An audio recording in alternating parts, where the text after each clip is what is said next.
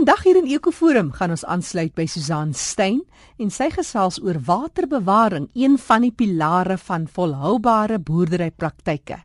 En sy hoor van die kommerwekkende studie rondom water in landbou en daar word ook gepraat oor 'n projek buite Stellenbosch om rioolwater te herwin. Kom ons sluit aan by Susan.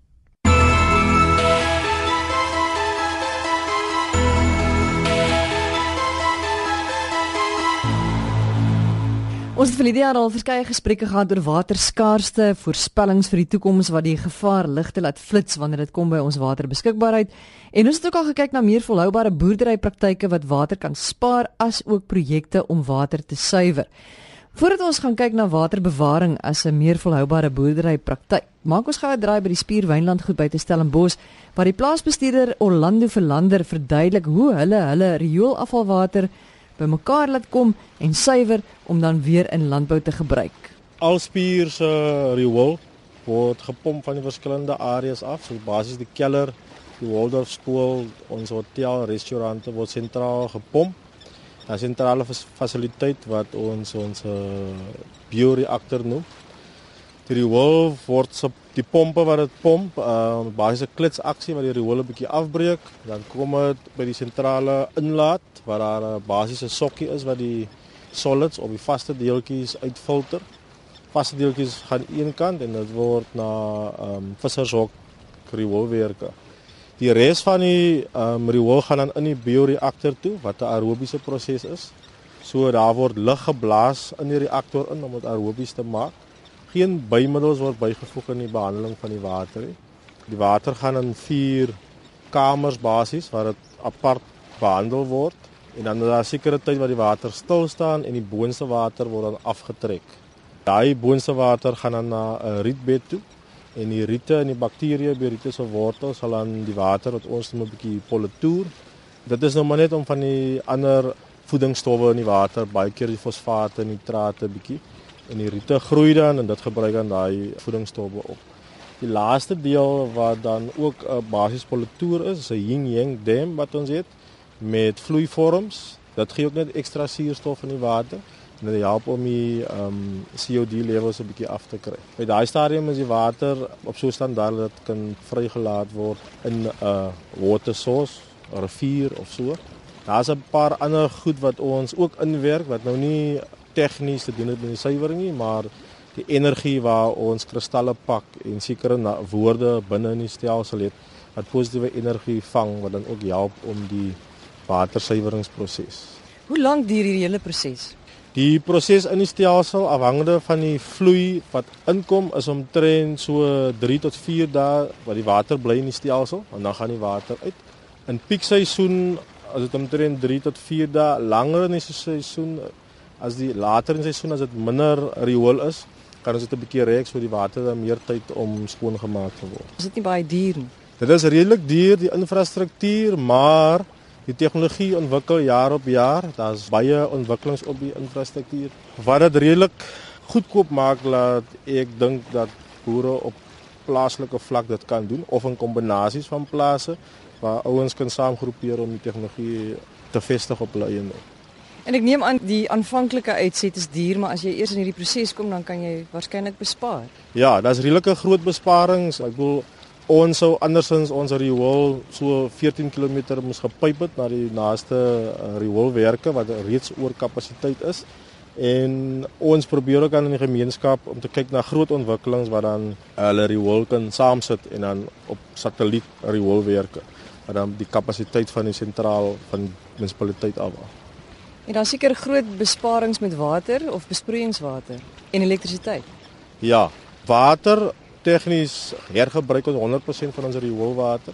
Want al ons riool word gesuiwer, dit gaan terug in ons besproeiing in en ons meng dit op die oomblik met ons besproeiingswater by koeie grasperke. Ja, so dit wat ons aan hergebruik spaar ons dan op ander besproeiingswater. Orlando baie dankie is Orlando Verlander, plaasbestuurder by Spierwynland goed en hy het spesiaal tyd gemaak om ons rond te wys en uh, te laat sien wat hulle alles daar doen. Dit er is duidelik dat vir al die landbousektor wat die meeste van ons beskikbare water op die aarde gebruik, baie sal moet verander om meer water te bespaar in die toekoms. Andre Roo is die programbestuurder vir volhoubare hulpbronbestuur verbonde aan die Wes-Kaapse Departement van Landbou. En Andre, jy praat van waterbewaring as een manier om meer volhoubaar te boer. Maar wat beteken of behels waterbewaring in boerdery? Susan, ek dink die belangrikste ding is, is landbou is een van die grootste watergebruikers in die land.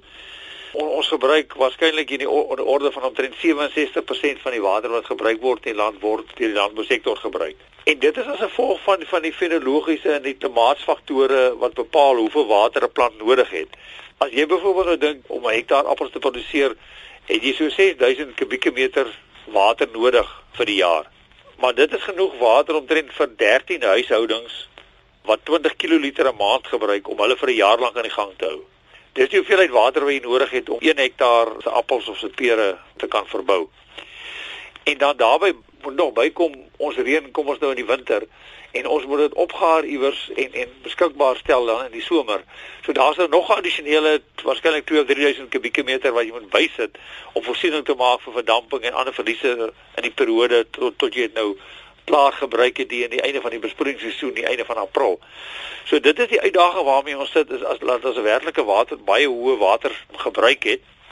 Maar dan moet mens gaan kyk natuurlik in, in terme van wat is die optimale produksie wat ons kan kan lewer met die water. Ons, ons praat altyd van meer produk wat geproduseer word per kubieke meter water of die Engelse more crop per drop. Maar oor hoe kan ons water bespaar in die landbou deur meer te produseer met dieselfde hoeveelheid water? En wat is die antwoord? Ek dink daar's 'n paar antwoorde. Die een is om jou as mens nou kyk na besproeiing, om jou besproeiingswater so effektief as moontlik aan te wend in terme van hoeveel het die plant nodig op die stadium om net dit te gee wat hy nodig het. Die nodige dek gewasse in plek te hê om te keer dat hulle die water nie verdamp nie, dat dit die grondvog bewaar word. En dit is ook van toepassing op op droëlandboerdery waar jy moet moet seker maak dat jou bewaringsboerdery beginsels toegepas word om seker te maak dat daar eh, 'n uh, bedekking op die grond is om te keer dat die grondvog nie ontsnap of verdwyn nie. Sou jy sê daar word op die oomblik baie foute gemaak met waterbestuur op plase? Ja, ek, ek dink nie regtig doelbewus foute gemaak nie, maar ek dink daar word nie genoeg aandag daaraan gegee nie. Ek dink nie daar's nog regtig oral genoeg begrip vir die kritieke situasie waarin ons sit nie. Mense moet onthou dat 'n vaste hoeveelheid water is beskikbaar op aarde wat ons kan gebruik en ons kan dit nie meer maak nie. Dit is 1% van al die water wat beskikbaar is op aarde is beskikbaar vir ons almal om te gebruik. Die landbou, die industrie, die dorpe, die ekologie, almal het 1% van die water wat hulle kan gebruik. Die ander water, 97% is soutwater wat natuurlik onsout kan word, maar dit het baie hoë koste en dit is nie ekonomies lewensvatbaar vir die landbousektor nie. 'n Tweede ding wat wat mens nie uit die oog uit kan verloor nie, is die impak van klimaatsverandering. Nou mense kan nou lank argumenteer daaroor of daar so iets is soos klimaatsverandering en of dit gaan kom en wanneer dit gaan kom.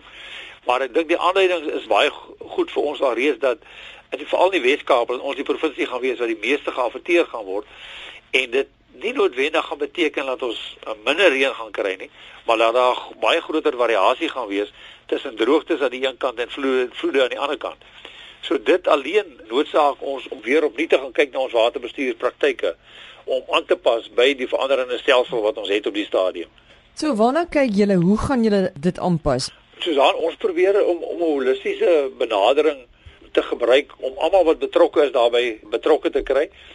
Dit sluit nou in bewusmaking artikels wat ons publiseer by skoue, dit is uitstallings, die groot Agrimega en die Beendon skoue het ons um, uitstallings hou vergaderings en gee praatjies by boereverenigings, watergebruikersverenigings, besproeiingsrade. En dan 'n baie belangrike ding wat ons nou al so die afgelope 3 jaar aan die gang het, is 'n projek wat ons geloods het om vir al die grootste deel van die vrugte produseerende area in die Wes-Kaap die werklike watergebruik van hulle gewasse die vorige week beskikbaar te stel op 'n webblad. So as jy op hierdie webblad ingaan, kan jy gaan kyk, jy, jy registreer jou wingerdblok of jou woord blok eh, registreer jy op die webblad en dan kan jy weekliks gaan kyk hoeveel water het daai blok in die vorige week gebruik. Nie hoeveel het jy vir hom gegee nie of hoeveel het hy gekry deur reënval of of grondvog nie, maar dit die werklike hoeveelheid water wat die die die, die blok gebruik het. En dit is dan vir jou baie goeie aanduiding van hoeveel water jy in hierdie week moet gee met 'n agneming natuurlik van die klimaatsomstandighede wat hierdie week geld. Wat is die situasie elders in die land? Ek kan nie met doodsekerheid sê nie want ek werk nou nie in ander provinsies nie, maar ek dink die Weskaap is definitief voor wat betref die effektiewe gebruik van water deur gebruik te maak van die beste toerusting beskikbaar. Dit is een van die die faktore wat mense moet ag neem. Ek dink nie daar's 'n tekort aan tegnologie nie. Dit is beskikbaar. Dit moet net gebruik word. En baie mense het, het nog nie die begrip dat hulle regtig moet konsentreer om om meer te produseer met dieselfde hoeveelheid water nie. Besproeiingsboere oor die algemeen dink ek het al baie ver gevorder van sommer net nat gooi tot uh, om te monitor wat wat werklik gebeur, maar ek dink daar word nog nie naaste by gedoen om dit te ordentlik te meet hoeveel water het er gegee, word die grondvog gemeet deur middel van elektrodes in die grond, hoeveel water is beskikbaar vir vir die plante nie. So daar is definitief baie ruimte vir verbetering. Wat is die tendense in die res van die wêreld? Dit wissel natuurlik 'n groot deel van die van die wêreld maak nog staat op vloedbesproeiing. Terwyl dit in Afrika nou 'n baie klein gedeelte van die van die besproeiing uitmaak. Maar dan moet mens ook dadelik vir mekaar sê dat dat vloedbesproeiing per se is nie noodwendig altyd sleg nie. 'n Goeie vloedbesproeiingsstelsel kan beter vaar in terme van watergebruiksdoeltreffendheid as 'n swak bestuurde ehm um, sprinkelbesproeiingsstelsel. So dan af maar weer van hoeveel tyd en hoeveel energie jy insit. Maar ek dink die groot uitdaging kom weet dat die WWF met nou dag 'n syfer bekend gemaak wat gesê het dat wêreldwyd in die volgende 40 jaar sal boere meer voedsel moet produseer vir die die die groeiende bevolking as wat daar in die vorige 8000 jaar saam geproduseer was.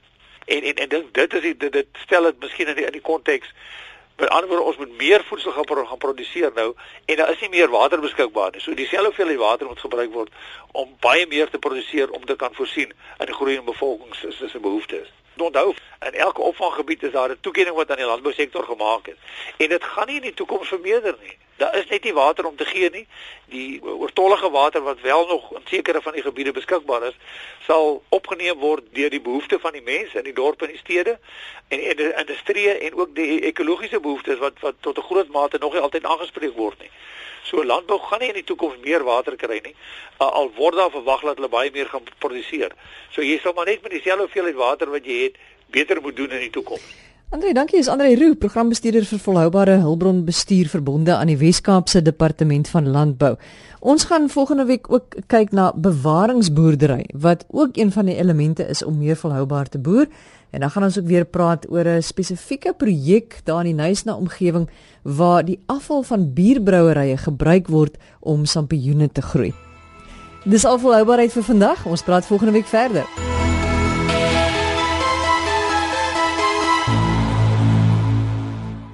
En die bydraes versorg deur kollega Susan Stein in Kaapstad.